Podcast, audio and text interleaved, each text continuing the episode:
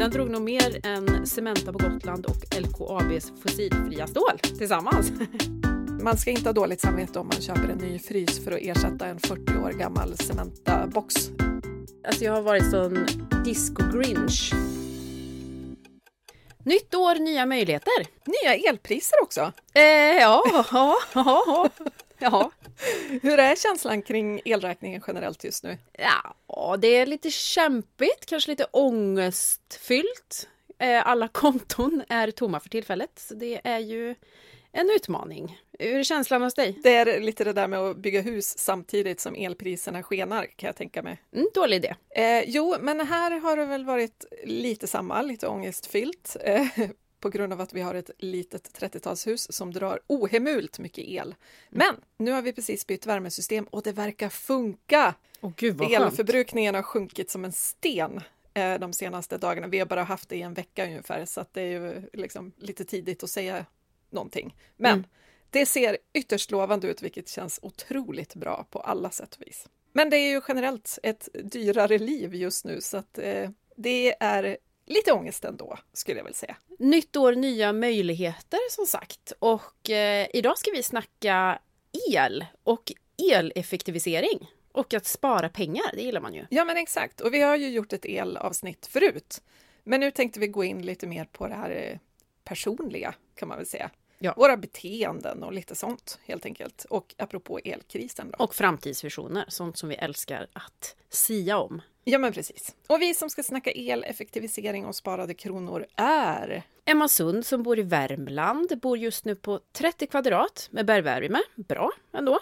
Och bygger hus med byggfläktar och skit. Och Maria Soxbo som bor i Huddinge utanför Stockholm i ett litet, gammalt men ytterst energikrävande hus då, men som kanske har gjort lite av en nystart i år med hjälp av ett nytt energisystem. Tjo! Och i det här avsnittet av Plan B-podden så ska vi gå till botten med energitopparna. Häng med! Ja, men vi har ju som sagt gjort ett avsnitt om el innan elkrisen eftersom vi är så himla före.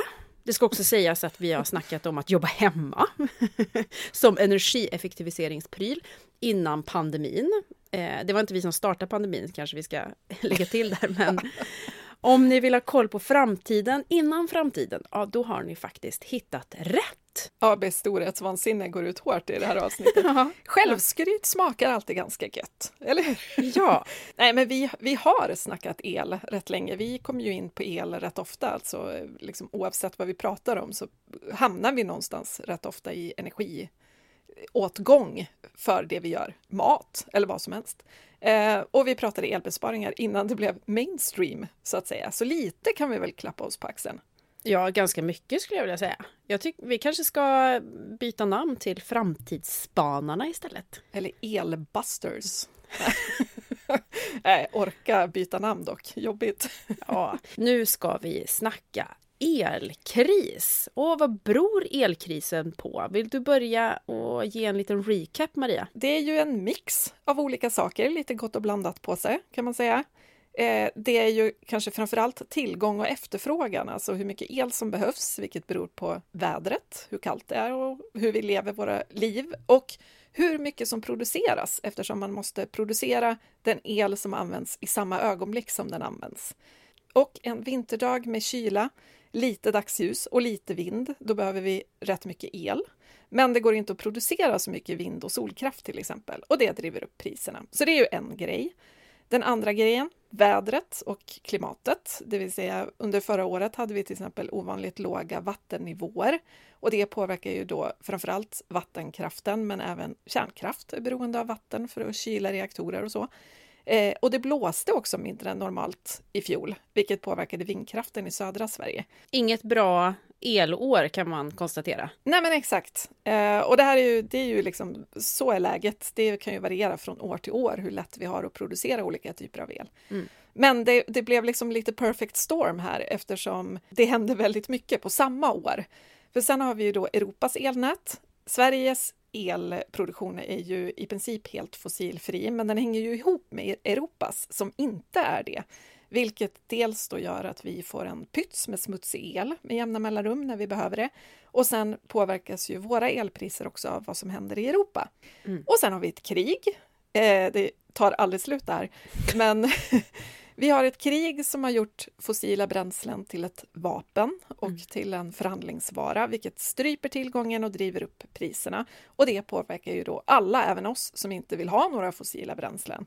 Så att det har ju varnats för elbrist i bland annat Tyskland och Frankrike sedan länge och där har man ju också pratat om typ elransonering till exempel. Där, I Tyskland har man ju stängt av badhus bland annat och, och eh, lite andra eh, sam, samhälls funktioner eller vad ska man säga för att ja, just precis. Eh, spara på elen. Lyxgrejerna har liksom fått backa lite grann mm. eh, för att inte göra av med för mycket el. Men sen har vi också mindre kärnkraft än vanligt i Sverige och i andra länder. Det påverkar, påverkar ju också såklart eftersom det handlar om tillgången på el.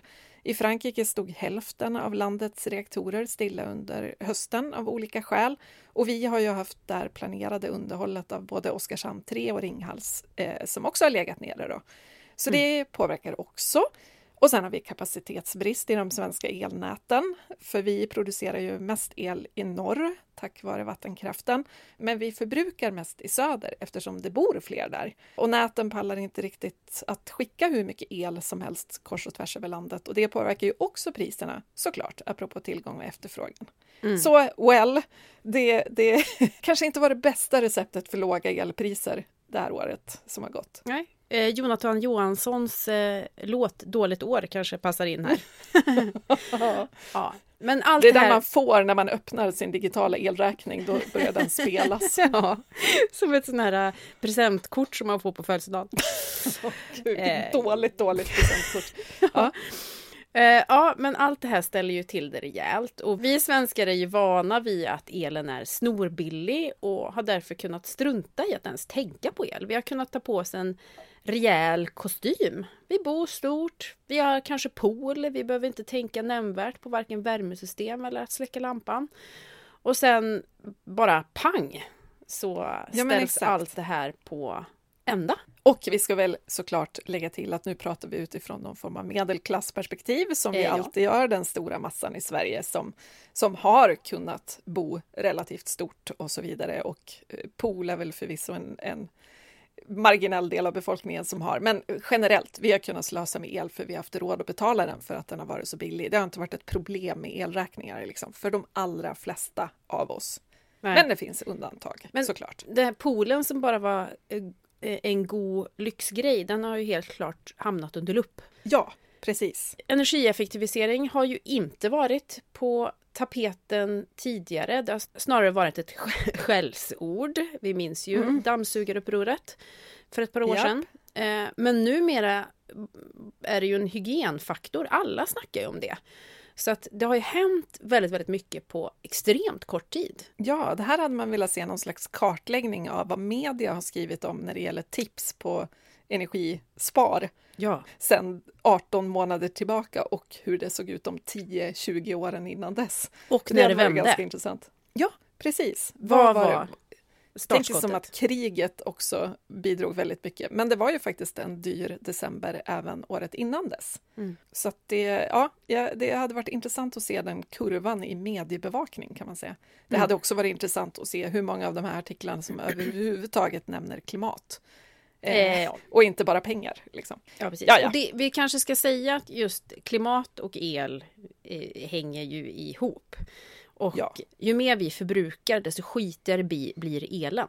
Eh, ja, så att vid de här topparna till exempel på morgonen när alla slår igång kaffebryggan, kanske kollar på lite morgon-tv. Då tar en dusch. Tar en dusch, precis. Och på kvällen när alla ska laga middag. Då är elen dyr men också eh, risk, risken för att den är rejält skitig är ju tämligen eh, överhängande. Mm. Nu ska vi alltså snacka om energieffektivisering och elen har ju varit svindyr denna höst. Det är väl få som har undgått. Och och att sänka förbrukningen gör ju inte bara plånboken en tjänst utan också klimatet som vi varit inne på. Och om det är något gott som den här krisen har fört med sig så är det väl att vi har blivit medvetna om just el och hur man ska handskas med den här resursen. Och dessutom har det dykt upp en hel arsenal av smart teknik som ska hjälpa oss att dra ner på vår elförbrukning och få bättre koll. Teknik till hjälp, det är inte dumt. Nej, det är inte dumt. Det är sånt vi gillar. Ett företag som, som tillhandahåller just den här smart teknik är Ledvans som jag har snackat med. Är du nyfiken på att lyssna? Såklart. Hej Elinor Eriksson, marknadschef på Ledvans. Hej Emma, tack för att jag får vara med. Ja men så himla kul.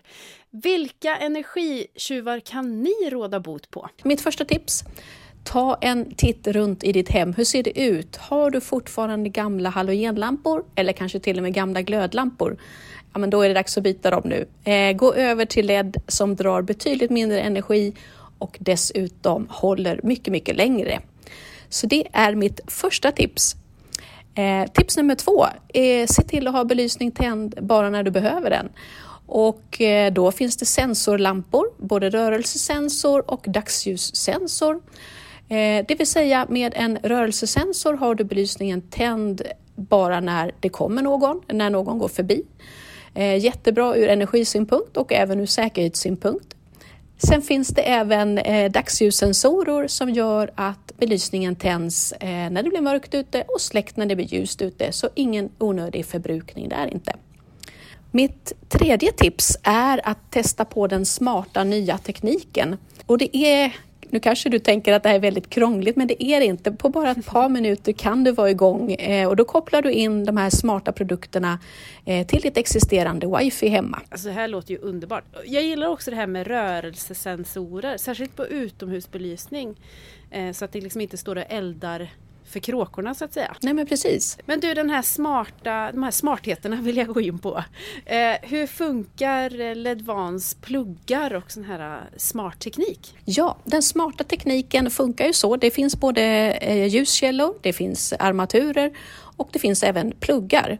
Så om man pratar om ljuskällor så ser det ut som dina traditionella ljuskällor. Det är bara det att genom en app så kan du styra dem. Ljuskällorna till exempel kan du då tidsstyra och du kan även dimra, vilket också är ett sätt att spara energi. Så det finns många bra funktioner i de här smarta produkterna. Men ni har också pluggar. Eh, hur funkar de? Ja, en smartplugg är då en extra strömbrytare som du sätter mellan din befintliga, ditt befintliga eluttag och till exempel om du har en eh, fönsterlampa så sätter du pluggen däremellan och därigenom gör du din traditionella lampa smart så du kan styra den, tidsstyra den och eh, sätta den av och på precis när du själv har lust. Hur kan man använda Ledvans pluggar för att minska sin elförbrukning? Ja, men pluggarna kan man ju då använda för att se till så att man inte gör av med mer energi än man måste. Det vill säga att du kan förinställa eh, så att belysningen bara är tänd när du behöver den. Och eh, det är så fiffigt också. Du vet hur det var här i vintras när det blev mörkare och mörkare för varje vecka och man fick gå och ändra sina traditionella timers om man hade sådana. Nu kan man bara knappa in var man bor och sen sköter appen och belysningen sig själv. Så att eh, då regleras det utifrån hur mörkt eller hur ljust det är ute. Du har inte tänt mer än du behöver. Och visst kan man mäta elförbrukningen med de här pluggarna också? Ja, men det, de här pluggarna kan man ju använda för att skaffa sig en liten grundläggande koll på hur mycket drar verkligen produkter man har i hemmet. Vad kostar min eh, kokade kopp kaffe? Vad kostar det när jag eh, kör min vattenkokare och eh, vad kostar det när jag har belysningen tänd? Så det är ett jättebra sätt att lära sig mer om hur mycket energi man gör av med. Hur mycket pengar och el finns det att spara genom att få koll på den här eh, småelektroniken och sin belysning? Jag tänker att i dessa tider så är det ju alla bäckar små. Även om belysningen inte är det som kostar mest i hemmet så gäller det att man har lite koll och man ska inte göra av med mer energi än man behöver. Så att eh, det är ett bra sätt att skaffa sig koll och spara in pengar också. Men de här pluggarna då, drar de någon el när de mäter? Ja, men pluggarna drar lite granna i man har kopplat in dem. På standby mode så drar de 0,6 watt och på, när de är påkopplade så drar de 1 watt och då pratar vi om watt och inte kilowatt så att det är väldigt marginellt. Jag har ju testat de här pluggarna och man kan ju läsa av ström och effekt och spänning och totala kilowattimmar.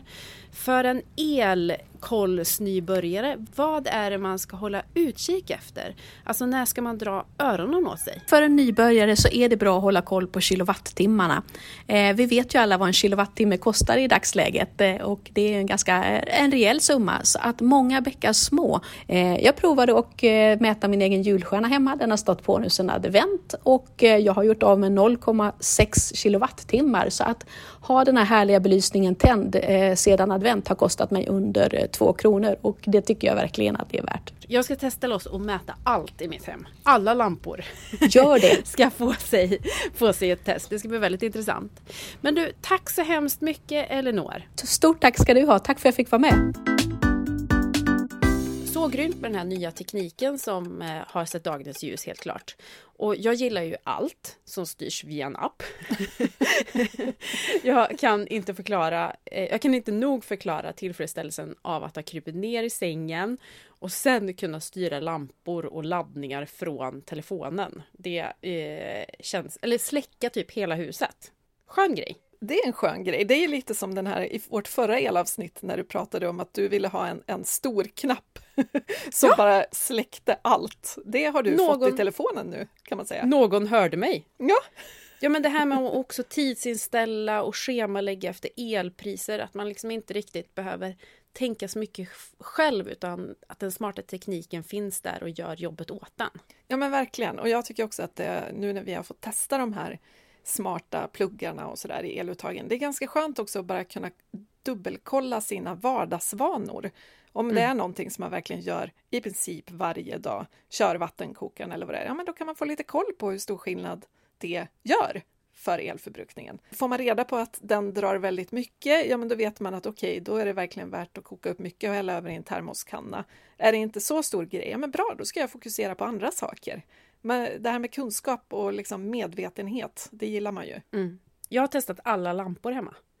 Ah. För jag hade nämligen en... en så numera är det mörkt i en del av huset?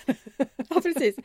Nej, men det har varit en, en lampa som jag varit väldigt orolig för. Det är en sån diskolampa som barn har som dessutom snurrar. Den är också väldigt, väldigt gammal. Ja. Eh, så jag har bara varit så här, alltså jag har varit sån disco-grinch eh, i att de bara får använda den ibland. Men den drog faktiskt inte så mycket, så nu är jag eh, good parent igen. Och sen om du så tycker den är jobbig så kan du säga att den ändå drog ganska mycket. Exakt. Så, ja. sen är det det här med utomhusbelysning som jag snackar med Ledvans om. Eh, just att kunna styra den på ett smartare sätt. För tittar man runt i vårt samhälle så ser det ju inte direkt ut som det pågår någon elkris. Jag vet inte hur det ser ut i Stockholm men eh, här lyser det, det för fulla muggar. det lyser. man önskar att fler hade såna här äh, rörelsedetektorer och smart belysning som bara var tänd när det behövdes eller man faktiskt var där ute. Det är bra för klimatet och plånboken, men också för miljön.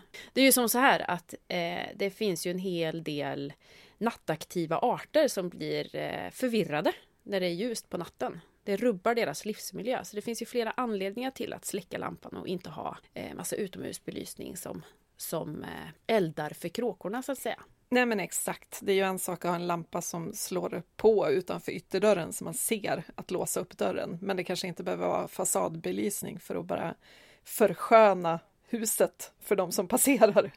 Nej, alltså nej, Behov precis. och begär, jajamän. Behov och begär. Den kan gå på ibland, kanske.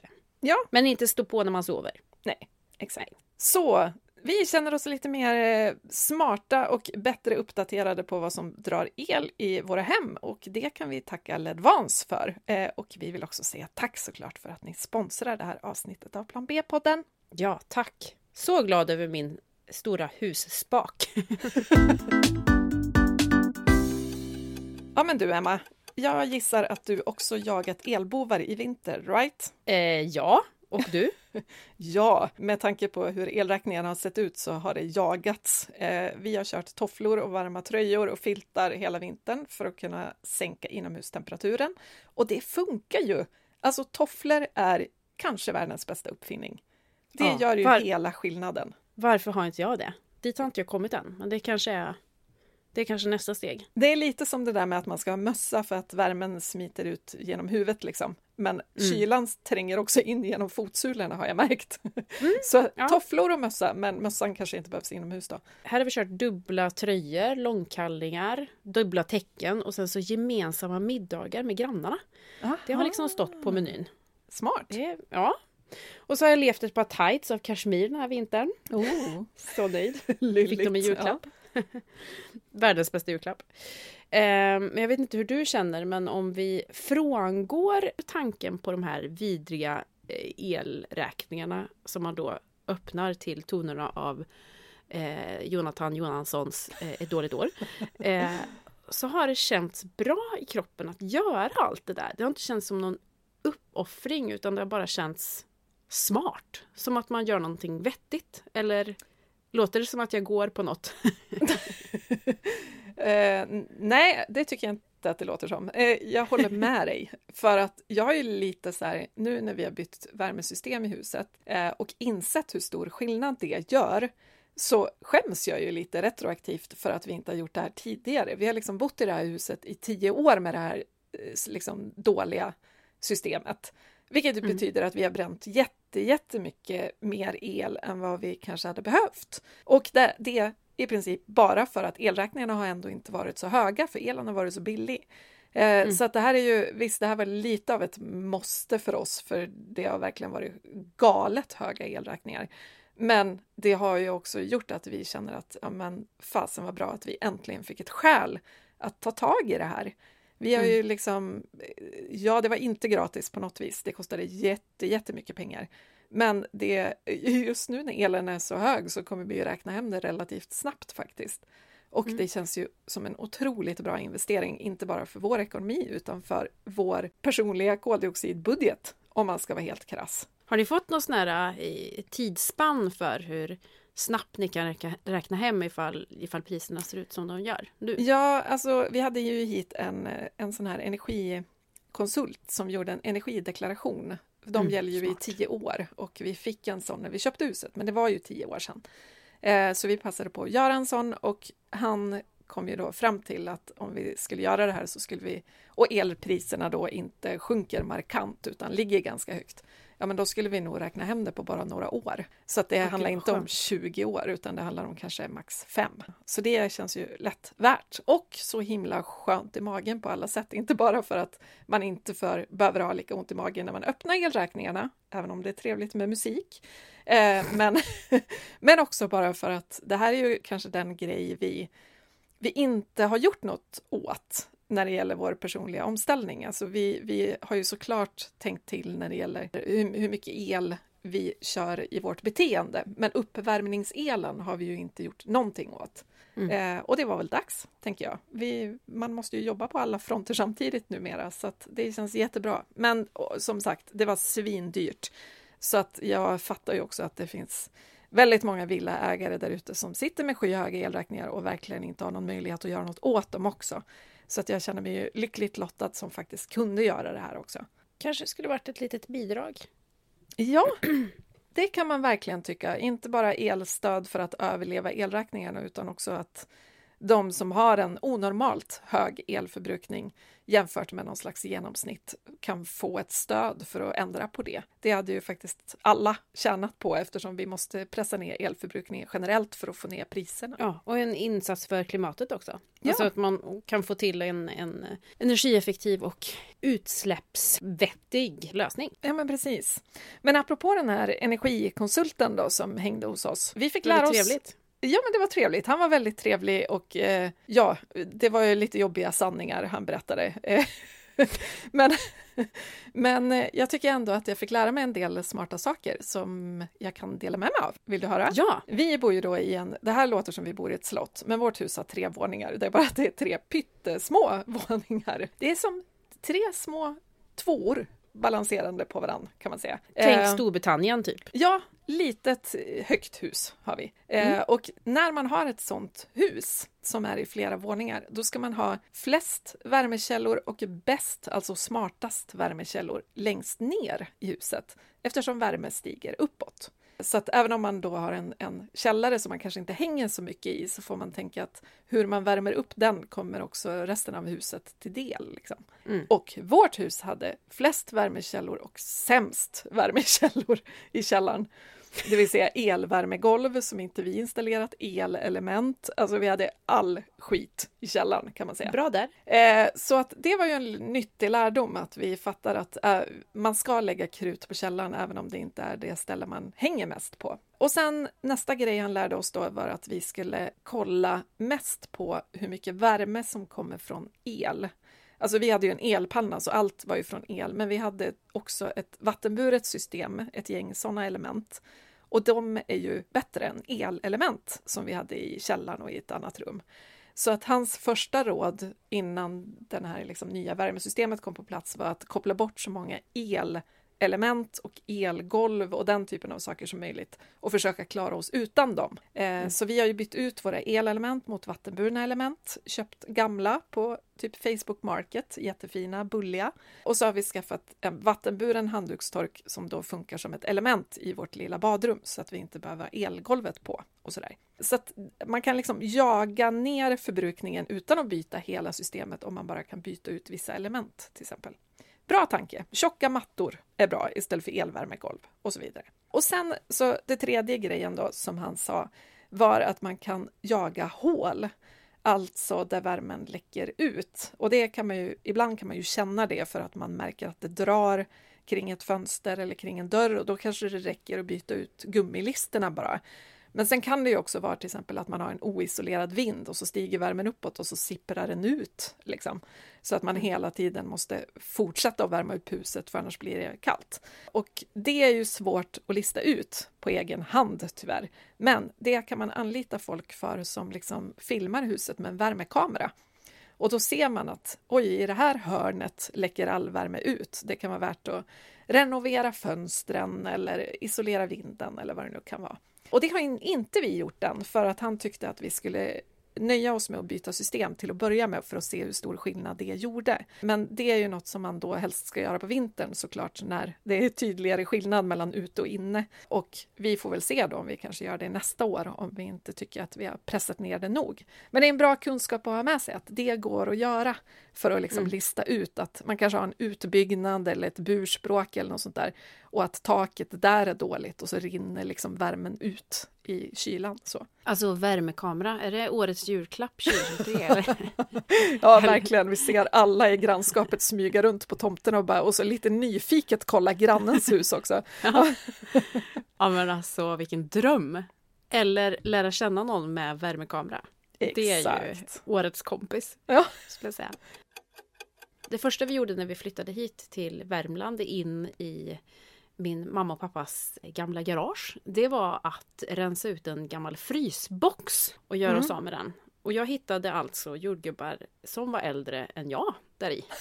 Så ni, ni, ni kanske får ett hum om frysboxens ålder. Och hur ofta den vittjades kanske också. Ja, precis. Exakt.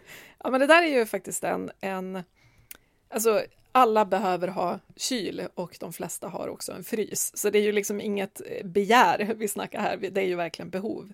Och det där är ju en sån grej, vi är ju propagerar ju alltid i princip för att man ska köpa andra hand och inte nyproducerat. Men vitvaror kan ju faktiskt vara ett undantag där. Jag läste på lite hos Energimyndigheten om vitvaror och en sån här kombinerad kyl och frys, den drar cirka 200 kilowattimmar per år. Och för tio år sedan då, då har vi fortfarande inte nått dina jordgubbar.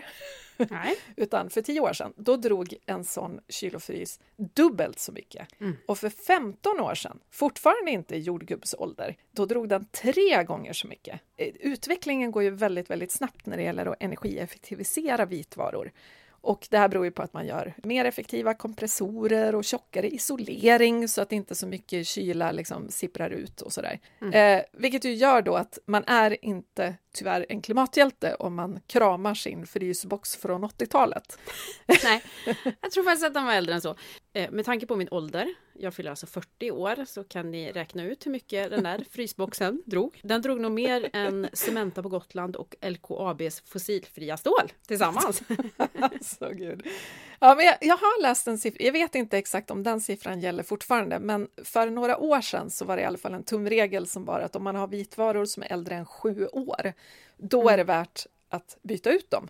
För den nya, även om man räknar in liksom allt som går åt för att producera den nya, så kommer det ändå vara så stor energibesparing att det är värt det.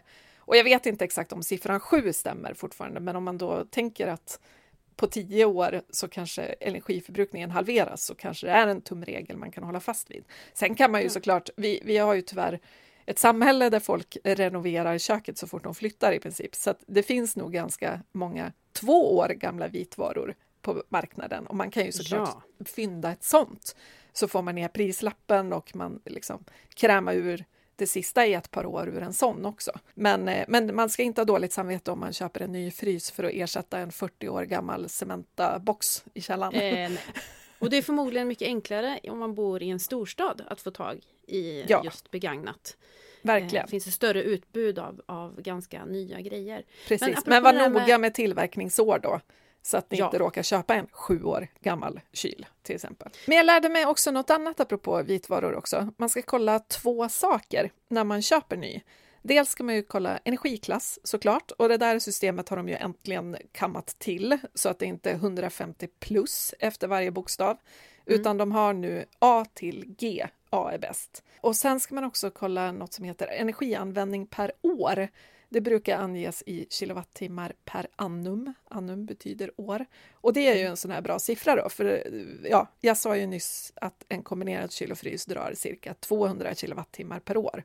Så om man ska köpa en sån så kan man ju ha det som någon slags snitt. Det borde inte vara högre än det och så vidare. Ja, det är smart. Så det är en, en sån bra måttstock. Ja, men exakt. Energiklass har man ju fattat, men den här andra siffran att man kan kolla på den, det hade inte jag fattat, ska jag erkänna. Inte jag heller. Eh, och vi bygger ju ett hus av återbruk, men just vitvaror kan jag faktiskt tänka mig att köpa nytt. Nu håller mm. jag ganska bra spej på diverse begagnat sajter, men oh, här skulle man vilja ha ett litet företag bara som ja. sålde återbrukade vitvaror. Som var som... garanterat energieffektiva samtidigt, liksom. att Exakt. de var så pass fräscha och fixade. Liksom. Ja, någon expert som kollar över så att sådana rookies som man själv kan bara glida in och köpa. Ja, men precis. Men du, ska vi prata lite andra beteenden då, som vi alla måste göra? Diska, ja. till exempel. Yes. Eh, och... Ni har diskmaskin, va? Vi har diskmaskin eh, och den är jag glad för, för det är väldigt tråkigt att diska. Vi diskar ett par saker för hand. Vi har ju såna här kolstålsstekpannor till exempel. De ska man inte köra i maskin. Och i vissa ja, men, sköra porslinskoppar och lite sånt där. Men vi kör det allra, allra mesta i diskmaskin. Och det är ju så, det här känns så himla ologiskt när man pratar energiförbrukning, men man ska köra diskmaskin. Det är mycket bättre än att diska för hand. Och det är ju helt enkelt för att en, en modern diskmaskin är liksom optimerad för att använda så lite varmvatten det bara går. Och när vi diskar för hand, även om vi liksom sköljer in färdig, alltså en fylld ho bredvid och inte har rinnande vatten, så gör vi av med mer varmvatten än diskmaskinen gör. Eh, mm. någonstans så eh, man räknar mellan tre till fyra gånger mer energi för handdisk jämfört med diskmaskinen. Det här är ju en win-win skulle jag säga. Det är inte kul att diska för hand, så det är ganska bra att diskmaskinen är bäst. Bra utveckling. Eller hur? Men ni har inget val, eller hur? Eh, nej, för vi bor så lite så vi får inte plats med någon diskmaskin. Inte ens en sån där som man ställer på någonstans. För den ytan finns inte. Men vi samdiskar. Har du hört det ordet förut? Det här låter som ett nyord 2023 tycker jag. Problemet är att det är nog ganska smalt. Ja. Nej men vi bor ju så litet och vi har som sagt ingen diskmaskin. Men det har min mamma som mm. är pensionär och bor 20 meter bort och hon ensam kan inte fylla en diskmaskin. Eller alltså Nej. det kan hon ju göra men det skulle ju ta skitlång tid. Och så skulle det börja lukta och ja, det, ja, hon är inte så taggad på det. Så hon tar vår disk för att fylla sin diskmaskin. Ja, men det är ju win-win igen. Ja, och hon tar även vår tvätt. Det är ju också väldigt bra. Jag känner att jag har, nog för att jag fyller 40, men jag känner mig typ som 13. När min mamma diskar och tvättar åt mig. Ja, och det även, hon är ju för gullig, hon levererar också. Nej, det var. Nyvikta eh, små och lagade kläder även. Åh, herregud. Eh, Så jag är så bortskämd. Ja, men det är, Nej, ju det- Ändå, det är ju ändå smart, samdisk alltså, för det, att det är ju också såklart rimligt att fylla diskmaskinen. Inte köra den varje dag halvtom, för då går det ju åt onödigt mycket energi ändå. Eh, Ja. Så det är väl väldigt rimligt av er tycker jag. Och apropå tvätten, eh, där finns det också saker att göra såklart. Eh, man halverar nästan energiåtgången genom att tvätta i 40 grader jämfört med 60. Vi kör bara 40. Eller någon enstaka gång kör vi 90 och det är ju för att städa tvättmaskinen. Då passar vi Mm. på att köra liksom handdukar och sånt som de tvättar vi såklart oftare än så, men, men vi kör dem i 40 och tycker att det funkar bra. Men någon gång ibland kör vi dem i 90 och då blir ju tvättmaskinen ren också, bakterier försvinner och sådär. Jag vet inte vad min tvättservice använder för program, men Har du inte koll på dina underleverantörer? nej, jag har tydligen inte det. Men Ja. sen är det ju nästa grej, det är ju torktumlaren. Den drar ju alltså två till tre gånger mer energi än tvättmaskinen. Tvätta måste vi alla göra, men vi behöver kanske inte köra torktumlare utan vi kan ju ha ett sånt här torkställ inne Ja. på vintern. Och kanske en torklina ute på sommaren om man bor i, i hus eller om man bor i en liksom, bostadsrättsförening eller så som har en gård med tvättlinor så kan man ju använda dem. Det Eh, kanske så ska bli mer kontinentala med såna här tvättlinor över mellan husen, Lady Ja. och Lufsen-style. Ja. Trevligare sen också när vi får mindre bilar som sprutar ut fossila bränslen i våra städer. Då kanske man faktiskt vill hänga ut sin tvätt över Ja, gatan. exakt, exakt. Och sen är det ju såklart, alltså vissa perioder i livet kanske det är svårt att inte använda torktumlare alls. Exempelvis när man har småbarn som går på förskola ute i slabbiga Stockholm, ur och skur. Jag pratar inte alls från egna erfarenheter här, men, men när allting var genomblött varje dag och barnen skulle ha det på sig nästa morgon igen, då Ja. behövde man använda ibland torktumlare för att helt enkelt hinna få det torrt. Så att det, vi behöver ju liksom inte sätt, spika igen den för gott, utan vi kan ju bara använda den så sällan det bara går, tänker jag. Jag Mm. läste också något intressant, apropå det där med, med vitvarornas energianvändning per år i kilowattimmar. Sånt anges ju även för tvättmaskin och diskmaskin och sådär. Och tvättmaskinen är alltså baserad på 100 maskiner per år och torktumlaren på 160 torktumleomgångar per år. Det är ju som att Ah. köra den varannan dag. Liksom. Är inte det helt orimligt mycket? Eh, jo, det är jättemycket. Jag vet inte riktigt varför, varför. men ja, så att man ska ju också såklart, om man tittar på den siffran då för en, en tvättmaskin till exempel, då ska man ju veta att den är baserad på 100 tvättar per år. Så om man inte tvättar lika ofta, eh, då kommer ju den att vara lägre, den förbrukningen. Men generellt bara, vi, vi tvättar ju för ofta. Jag fick höra en siffra som jag tror kommer från Sveriges konsumenter som är att det är bara 10 procent, eller om det till och med var lägre, någonstans mellan 7 och 10 procent har jag hört, av innehållet i tvättkorgen som behöver tvättas. Ja, det är helt sinnessjukt. Så vart, vart tionde plagg är smutsigt. Resten är för att det är använt, men det är inte så smutsigt att det måste tvättas. Det kanske räcker med att vädra eller fläckbehandla den lilla klicken som har hamnat på knät. Liksom. Jättebra siffror att ha med sig in i det nya året. Ja, men eller hur? Spara För det är ju inte kul att tvätta heller. Så att det är ju liksom, kan man Det vet spara jag ingenting om. Det, så. Nej, du din bortskämda. Ja. Ja. Mm. Men visst är det så att du har någon, eh, alltså nu har ju inte du flyttat in i ditt nya hus än, PGA inte färdigt. Nej, Men- det står bara och drar el. Ja, det står och drar el. Eh, men det kommer ju att hända väldigt snart. Ja. Och visst är det så att ni har en tanke med, är det orangeriet som ska få extra Ja. knäcka lite som tvätttork? Precis. Vi har ju för det första inget jätte- jättestort stor tvättstuga. Alltså tvättstugan har ju blivit ett viktigt rum i nybyggen och det folk drömmer om. Vi har eh, gått emot det och har en jätteliten, ett jätteliten tvättstuga. Eh, mer som en skrubb skulle jag säga. Mm. Kommer kanske inte ha en torktumlare, det vet inte jag. Nej. För jag bor inte där. Men tanken är, jag gillar ju konceptet hänga tvätt eh, utomhus. Trevligt, luktar gott. Men det är kanske lite svårt så här års och när det regnar. Därför ska orangeriet extra knäcka som eh, torkrum. Mm. Eh, vi ska sätta upp linor i taket och eh, ska fungera som, ja, men som tork. Jag Det läste känns ju väldigt också... energieffektivt och plus att man använder ett hus eh, slash rum till flera olika saker. multifunktion. Det gillar man ju alltid.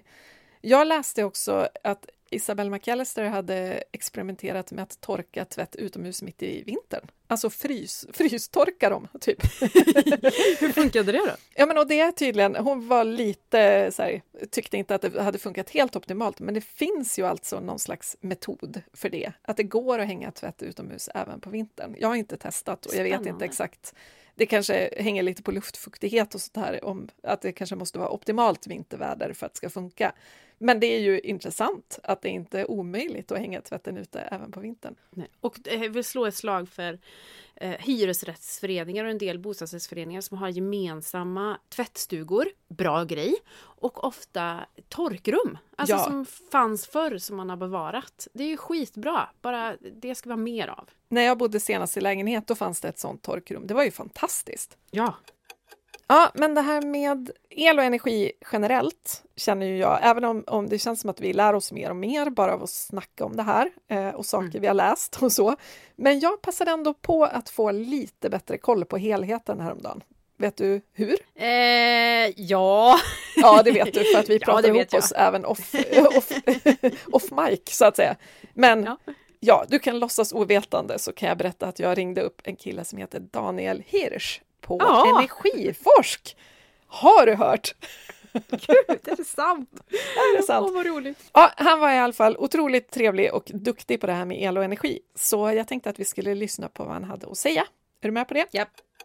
Hej Daniel! Hej Maria, vad roligt att få vara med i podden. Ja, du jobbar på något som heter Energiforsk. Vad gör ni för någonting? Jo, men vi är ett bolag som initierar och samordnar och bedriver forskning och analys på energiområdet. Vi tar helt enkelt fram ny kunskap och sprider den i syfte att bidra till ett robust och hållbart energisystem som möjliggör klimatomställning. Ni kan helt enkelt väldigt mycket om el. Eller hur? El och, el och energi är vi duktiga på, eh, så är det. Du Daniel, hur stor skillnad gör det för, på det stora hela om vi alla tänker till när det gäller de här små sakerna som att byta till LED och stänga av elhanddukstorken och frosta av frysen och de här tipsen som vi ofta läser om.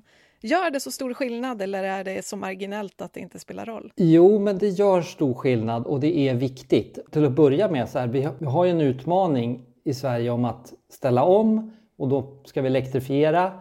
Och så då kommer vi behöva väldigt mycket mera el och då blir det ju ännu viktigare att vi, den el vi har, att vi använder den så smart som möjligt till precis det vi behöver. Så det är ju jätteviktigt att vara sparsam eller vad man ska säga, använda bara till det du behöver. Och det har betydelse, drar vi ner på förbrukningen så sänker vi priserna och då lindrar vi bördan för utsatta hushåll och utsatta företag. Så att det, och dessutom så sänker vi utsläppen eftersom Sverige ibland importerar el från länder som har utsläpp från sin elproduktion. Så det är ju jättebra klimatmässigt att dra ner på förbrukningen. För det här med att om vi drar ner för att sänka priserna. Vi på Energiforsk vi visade i en studie i höstas att om hela EU skulle minska sin elförbrukning med 10% så skulle det få stor betydelse på elpriserna. Och det var också vad som hände i många länder. I Sverige sjönk till exempel elförbrukningen med 7% i december. Eh, hade, det, hade det inte varit så, då hade priserna varit ännu högre i december än vad de var. Just det. Eh, så att om gör man det så minskar den egna kostnaden, dels där, framförallt för att man trycker ner priserna. Det är den stora grejen, men sen också så blir det ju den totala kostnaden blir lite lägre eftersom du har förbrukat lite mindre. Mm. Minskar du elförbrukningen så går det åt mindre gas och kol i Europa. Genom att vi kan, liksom, vi kan exportera el till dem. Så de, de plockar ju in våran fossilfria el som kommer från vindkraft och vatten och kärnkraft som är billigare än gas och kol. Så det är jättebra när vi kan exportera el till Europa. Eh, och det är särskilt bra om man kan minska den här förbrukningen vid vissa tidpunkter, det vill säga vid de tidpunkter när effektbehovet är som störst. När många använder el samtidigt, framförallt på morgnar när man kliver upp och när man kommer hem från jobbet. Lite förenklat kan man säga. Så om man då kan välja att förbruka el vid andra tillfällen än just då. Men du, det pratas ju om elkris nu också, att elnätet faktiskt kan behöva släckas ner tillfälligt även i Sverige. Det låter ju inte bra, minst sagt. Är det så illa som det låter? Ja, men hur illa det är, det kan nog vara olika för olika människor, hur man uppfattar det. Det är, ju, det är subjektivt såklart. Men det det handlar om är att Svenska kraftnät, som är statligt och som ansvarar för kraftsystemet i Sverige från stora elkablarna, de kan bli tvungna att tillfälligt stänga av strömmen i olika delar av Sverige. Och då gör man det i olika områden vid olika tillfällen och det kallas för roterande bortkoppling. De kan inte säga, Svenska kraftnät kan inte säga hur länge man ställer ner, stänger ner ett särskilt område. Men det kan handla om ett par timmar kanske och det som händer är att då blir det i det området strömavbrott under en stund, några timmar. Det, det, är det som risken är så att säga. Man kan råka ut för strömavbrott och sen gör man det i ett område och sen flyttar man till ett annat för att man för tillfället då inte kan leverera överallt. Och bakgrunden till det här är, eh, det är så här att el, den som kommer ur väggen, liksom, det är en färskvara. Det, det måste hela tiden produceras lik, precis lika mycket el som det konsumeras. Om, om man inte kan lagra i till exempel batterier, men det kommer vi inte in på här tänker jag. Och ibland så behöver vi mer el än vad vi i Sverige just då producerar. Och normalt, det vi gör då i Sverige, då importerar vi el från andra länder. Det är jättebra. Då liksom ser vi till att vi har ett tillförlitlig tillgång av precis så mycket el som vi behöver.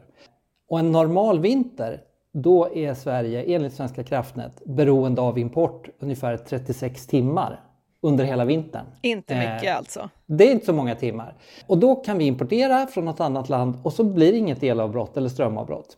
Men det här året så räknade Svenska kraftnät ut att nej, eh, risken för när vi behöver importera, eller de antalet timmar som vi behöver importera, de ökade, trodde Svenska kraftnät, till 149 timmar räknade de ut. Och en, en orsak till det var bland annat att en kärnkraftsreaktor i Ringhals stod still i flera månader för den skulle repareras. Och då behövde vi oftare importera el helt enkelt.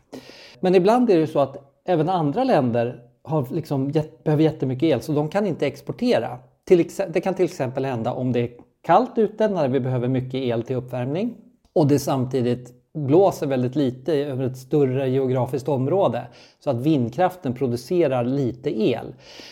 Om det händer, då kanske inte vi kan importera och det är då som det finns risk för att nej, nu, nu behöver Svenska kraftnät stänga av under några timmar tills det här har stabiliserat sig.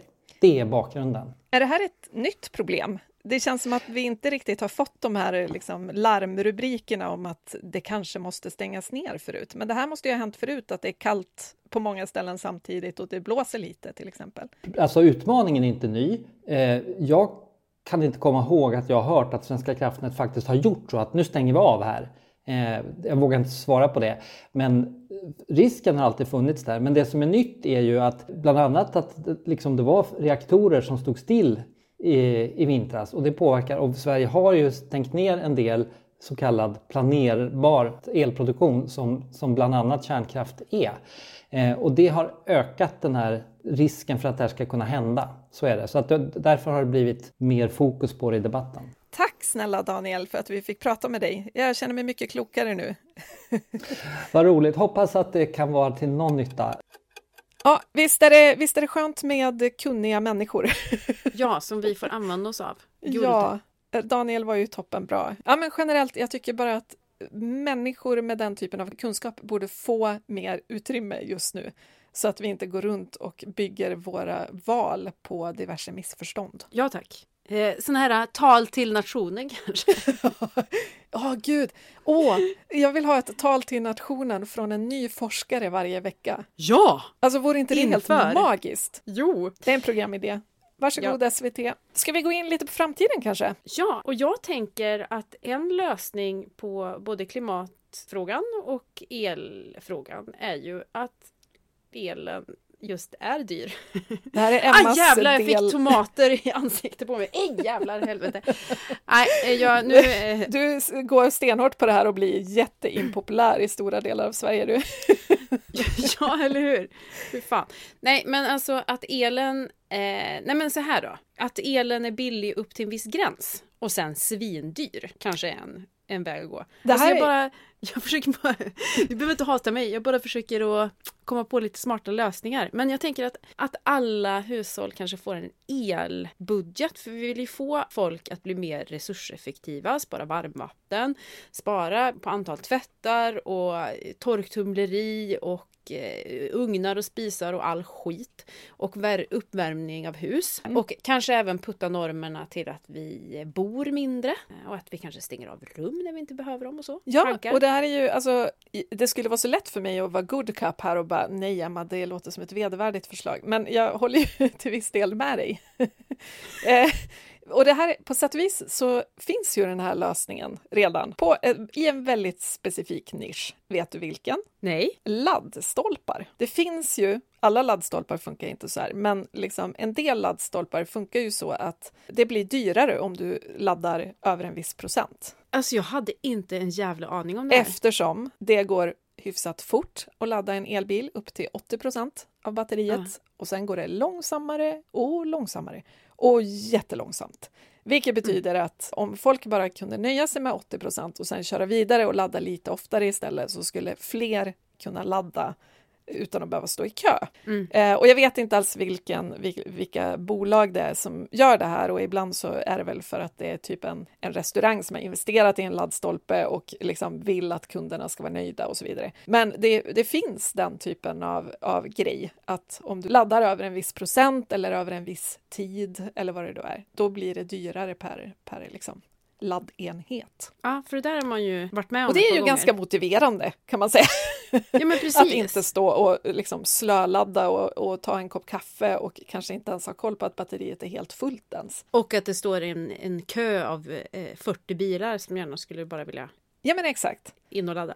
Så att jag kan Ja, ju men- ändå se en, en poäng med någon form av så här kvot i hur ofta man får köra tvättmaskinen eller vad det nu kan vara. Eluppvärmning alltså- är ju som sagt ganska svårt att påverka för ganska många men, men liksom beteenden skulle man ju kunna styra mer. Jag förstår att det finns följdfrågor kring det här. Men jag tänker i, Du kommer i hålla en kombination- presskonferens snart om det här där du reder ut alla sådana frågor. Ja. Det här är alltså en fem minuters idé som jag kom på nu. Jag tänker också så här, tillsammans med ett bidrag som gör att folk kan byta ut ineffektiva värmesystem exempelvis till att man, man får en pott. Det gör ju att vi förmodligen skulle sänka vår elförbrukning. Men Mm. sen så kan man ju såklart, om man vill, eh, brassa på. Då ju, kan man ju göra det, men det kanske kostar. Då. Den sommarstuga som min familj hade när jag växte upp, som vi köpte när jag var 13 eller något sånt där. Eh, det, var ju, det hade ju varit ett fast boende. Det bodde ett äldre par där innan vi köpte det för att ha som sommarstuga. och sen när vi köpte det var egentligen mer lämpat skulle jag säga för sommarstuga eftersom övervåningen inte var isolerad. Så att de flyttade ju ner på vintern. De stängde till övervåningen. Det fanns ordentligt med dörrar så det gick liksom att skärma av det helt och hållet. Och sen så bodde de i princip i vardagsrum, kök och toalett under vintern.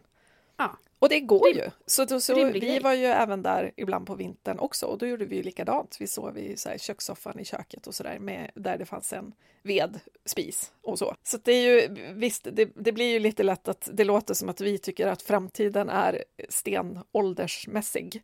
Ja. Men alltså generellt att bara ha gästrum på ett sånt vis att man inte behöver värma upp det förutom när man har gäster. Det låter ju ändå otroligt rimligt och smart, tycker jag. Jag håller med. Jag, det finns en risk för att jag låter som en medeltidsmänniska. Eh, jag förstår det. Vi bygger som sagt ett hus, det är en en och en halv plans villa. Och planen är, eftersom vi inte är klara med huset, att flytta in på nedvåningen och sen färdigställa övervåningen. Mm. Sen kanske det blir standard att vi flyttar ner på nedvåningen när det är dyr el eller när ah, när det känns rimligt att stänga av värmen på övervåningen. Alltså Mm. som sagt, kidsen skulle ju älska det nu. Eh, Ja. För det är lite exotiskt. Kanske lite mer av en utmaning när de är tonåringar. Men de kanske ser vinningen av mer pengar i plånboken, vad vet jag. Men just det här med att liksom tänka utanför boxen, för vi är så jädra inställda på att vi ska dels bo stort, alla ska ha ett eget rum, vi ska ha gott om plats, vi ska ha... Eh, och gud, jag älskar också tanken på det, det är inte, det är inte så, men att, att bara börja leka med tanken på att, att stänga av rum som inte används eller effektivisera eller rumstrera om under de här dyra månaderna. Ja, men jag tänker också att är, man behöver ju liksom inte riktigt se det som ja, det är hur vi kommer överleva framtidens elräkningar. Vi måste mm. uppoffra jättemycket, liksom. utan det kan ju också handla om att elpriserna kanske sjunker framöver när när det förnybara elsystemet är utbyggt över hela världen och så vidare. Men att vi genom att göra så här får mycket mer pengar över i plånboken ändå, som kan gå till andra saker, som att jobba mindre eller liksom, det handlar ju om en prioritering. Just nu lägger vi väldigt mycket pengar av vad vi tjänar på vårt boende, på att ha råd med dyra bostadsrätter och fina områden och stora ytor och så vidare. Rum i eh, fil. Rum i fil. Och liksom, istället för att hela tiden uppgradera vårt hem så att vi nätt och jämnt har råd med det oavsett hur, vi, hur mycket vi jobbar, så kanske det handlar snarare om att ha ett smart hem som kostar så lite som möjligt och att pengarna kan gå till sånt som vi tycker är viktigare. Just nu lägger vi ju till exempel väldigt lite av vår inkomst på mat, vilket gör att det är ganska dålig mat vi köper rätt ofta. Halvfabrikat och icke-ekologiskt och så vidare. Eh, mm. Så att det kanske handlar om att man då istället får möjlighet att, att köpa bättre mat. Apropå tonåringar förresten så inser jag ju nu att utmaningen till exempel med duschande som inte ja. är ett problem just nu eftersom mina barn tycker det är urtråkigt att duscha. Eh, så de har inga problem med att vi säger till ett par gånger i veckan att nu måste ni ta en dusch. Eh, I framtiden kommer de ju att duscha hela tiden. Mm. det blir en utmaning för elräkningen. Det, en, ja. det, det avsnittet tar vi då. Eh, eller jag läste i tidningen om en familj som uppmanade sina barn att duscha i skolan. Ja. Efter gympan. Bra grej. Ja, jag duschar ju på gymmet så. Ja, smart. Vi har en skitliten sån här varmvattenberedare. Det är tips till tonår. Alltså till tonårs... För jag är uppvuxen med en sjukt liten eh, varmvattenberedare och min pappa som bankar på badrumsdörren och på sin dalmål säger Emma, nu får du sluta duscha! det där är ju, det, det, blir ju självreglerande om det blir kallvatten efter en ja, stund. Ja, för man vill inte stå där. Exakt. Eh, det, ja. det borde finnas nivåer på varmvattenberedaren, att man liksom slår över den i tonårsläge. Då, då liksom fylls bara halva. ja, ja, jag tänker också en lösning skulle ju kunna vara eh, behovspröveri. Eh, Alltså vad är, vad är eh, behovspröveri? Det är ett nytt ord. Eh, vad är behov och vad är begär? Till exempel att producera mat. Det kanske är... Eh, ett begär. Nej, Bi nej. det är ett behov som, där kanske man ska subventionera elräkningar till exempel, för att vi behöver mat. Men sen så finns det ju en massa saker eh, som vi producerar som kanske är mer begär. Ja. Och apropå det så finns det ju en hel del företag som Amazon och Google och Facebook som tidigare fått rabatt på el, vilket eh, man kan ifrågasätta. Nu är det väl lite sisådär med den saken, men just det här med behov och begär det är någonting som vi ska prata lite mer om tycker jag. Det ska in ja, i debatten. Vi vill ju också göra ett framtida avsnitt om hela det här med digitala klimatavtryck och så. Ja, tack. Eh, vilket är ett otroligt snårigt ämne som vi känner att vi behöver jättemycket tid för att göra research på. Men det här är ju också generellt att vi, vi tror att vi löser så väldigt mycket problem med teknikens hjälp. Men vi skapar ju också andra typer av utsläpp. Så vi måste ju någonstans se till så vi inte ersätter ett problem med ett nytt problem. Även om det inte är mm. lika stort, utan vi måste ju se helheten. Liksom. Men ja, mm. generellt, behovsprövning är väl en jättebra grej, just apropå Tysklands badhus till exempel. Det är klart att de kanske inte behöver värmas upp när det är elkris, utan att de kan stå lite på paus, särskilt om det är kommunala såklart. Ja, men också den här orättvisan i i att bidraget har gått ut till, till eh, folk som är jävligt täta. Ja, alltså, och bor skitstort och har pool. Och det, för, den, för den familj som inte har råd med mat, alltså för fan kniven i ögat alltså. Ja, men och det här med att det nu att regeringen också vill hemligstämpla uppgifterna eh, så att det, det inte ska gå att kartlägga hur mycket miljoner som har gått till miljonärer. Det är så bara provocerande. Det säger ju, bara det säger ju massor. Ja, verkligen. Alltså, det är så ja. provocerande. Herregud. Provocerande. Men åter till lösningarna och framtiden. Och jag tror, jag tänker att de här dyra elpriserna också kan skapa ett smartare samhälle. Dels hur man bygger och bor, alltså att eh, litet är någonting som inspirerar. Jag eh, försöker följa fler som, som eh, bor små, smått eller har downsizat bara för att ge en, ge en eh, mitt flöde lite mer balanserad bild så det inte bara är de här eh, stora våningarna mm. eh, eller liksom överflödet som också kan vara intressant att följa. Men det finns massa som inspirerar till just att bo litet och komprimerat, så mer sånt. Men jag tänker, apropå det här smarta eh, samhället, så tror jag att det finns mycket att vinna på att det är eh, jag ska inte säga dyra elpriser, men att vi har varit med om den här elkrisen. Till exempel hur företag är uppbyggda, hur man använder ytan, men också vad man gör av spillvärmen. Kan ett bageri ha ett växthus på taket kanske? Ja, men exakt. Eh, är väl liksom en typisk sån här lösning hur man kan använda Precis, det är ju en sån grej som, som finns i Stockholm till exempel, att den stora centralstationen där, alla människor som rör sig där, och det är ju jätte, jättemånga varje dygn. Det, värmen från den floden av människor, liksom, den värmer ju upp lokalerna ovanför på något smart sätt. Ja, coolt. Eh, och jag var med och delade ut ett hållbarhetspris på en mässa häromdagen. Och det priset var gjort av glas från ett litet glasbruk som drevs av spillvärmen från eh, en eh, avfalls... Vad heter det? Sop. Eh, alltså som förbrännings ställe. Ja, jag, tycker, jag tänker att det finns ett, ett smartare samhälle som väntar. Vi behöver bara prata mer om hur det ser ut. Ja men verkligen, det här, det här, går ju att lösa genom att tänka smart. Vart tar mm. energin vägen? Jag är lite nyfiken på ert hus också. Ni bygger ju själva, det vill säga ni väljer ju själva hur huset ska värmas upp och hur ni ska kunna leva energisnålt och sådär. Och nu vet vi till exempel att orangeriet, där ska ni torka tvätt istället för att mm. torktumla. Men har du några mer bra exempel på som kan inspirera husbyggare? Ja, men vi har ju valt eh, en oljepanna. var rabatt på den tydligen. Nej, jag skojar. Nej, men, ja, men dels har vi byggt huset så att det ska gå att stänga till, alltså dela av och stänga rum. Eh, det låter ju jätteinbjudande, det hör jag också. Men sen har vi valt lösningar som i så liten mån drivs av el. Det är mycket fokus på det där eldrivna i vårt samhälle. Ventilation, värmesystem, vatten, allt drivs ju av el. Så hur funkar det om elen är svindyr eller kopplas bort? Att man får elavbrott exempelvis. Så att vi har såklart en hel massa ellösningar också.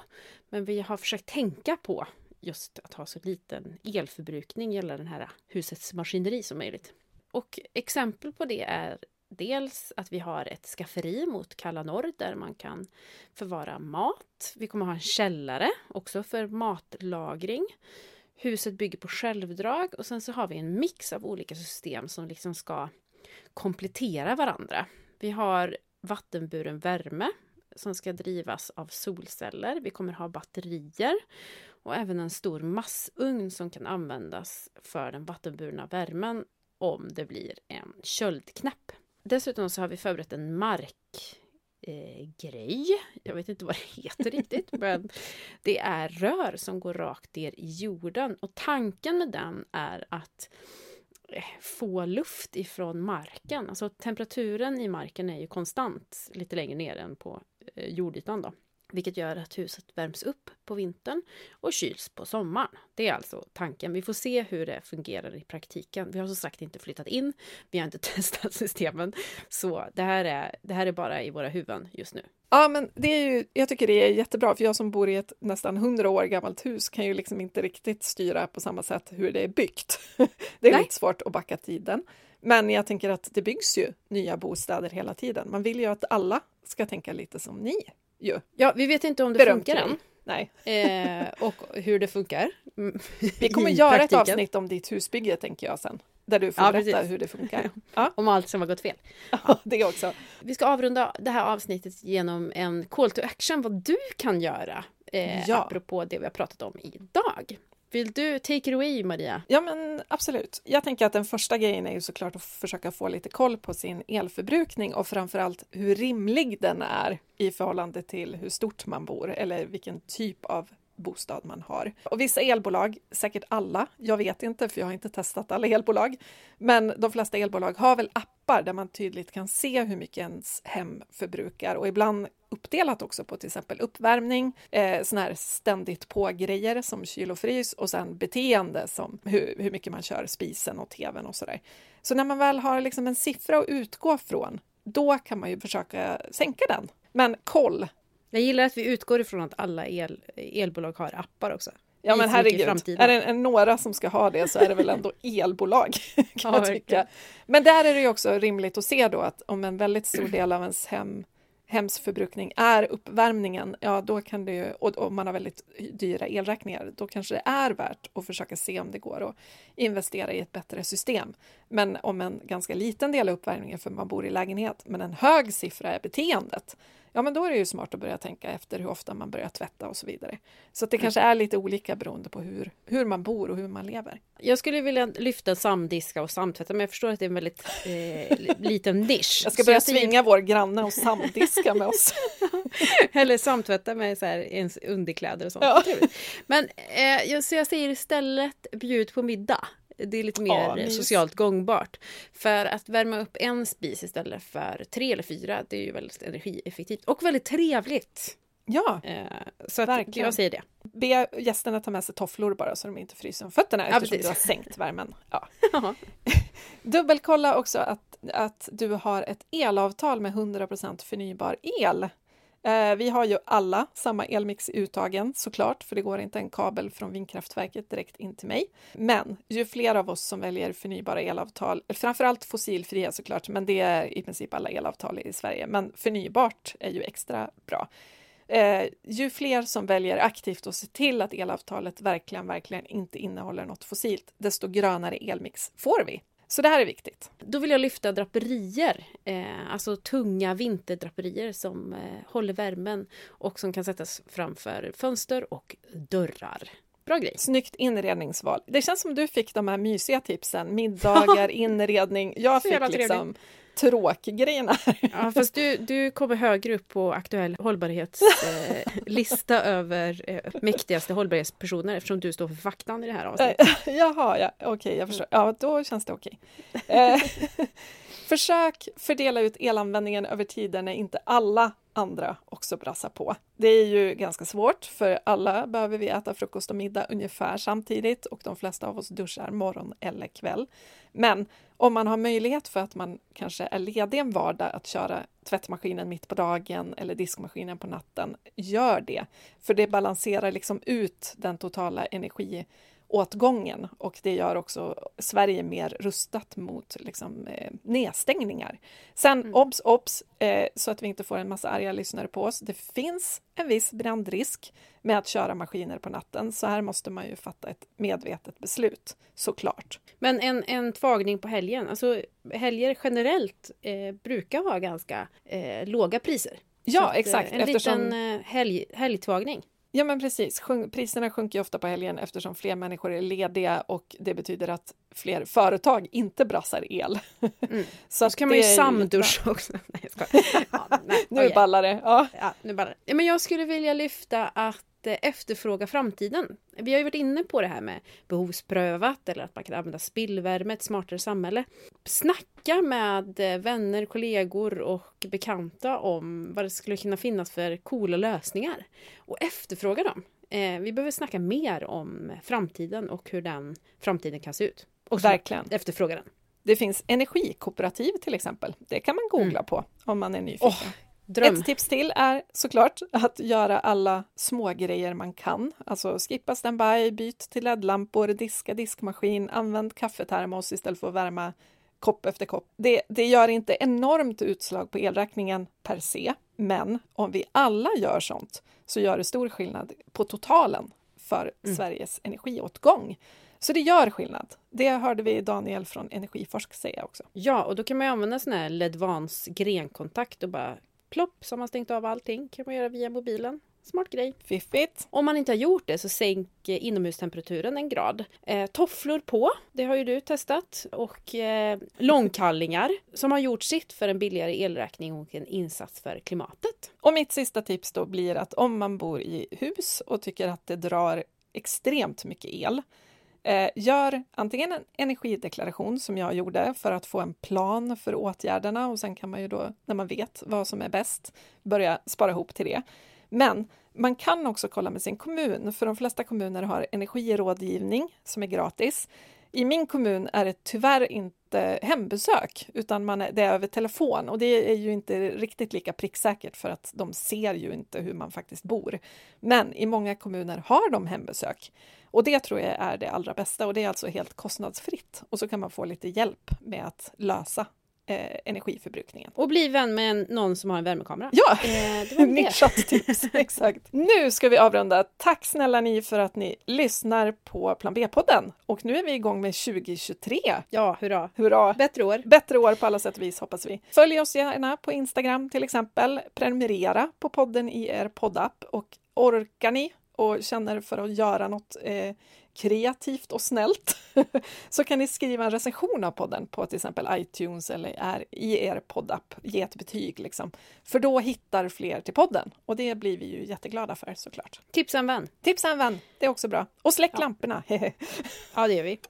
Ja, nu blir det mörkt. nu blir det mörkt. Hej då! Hej då!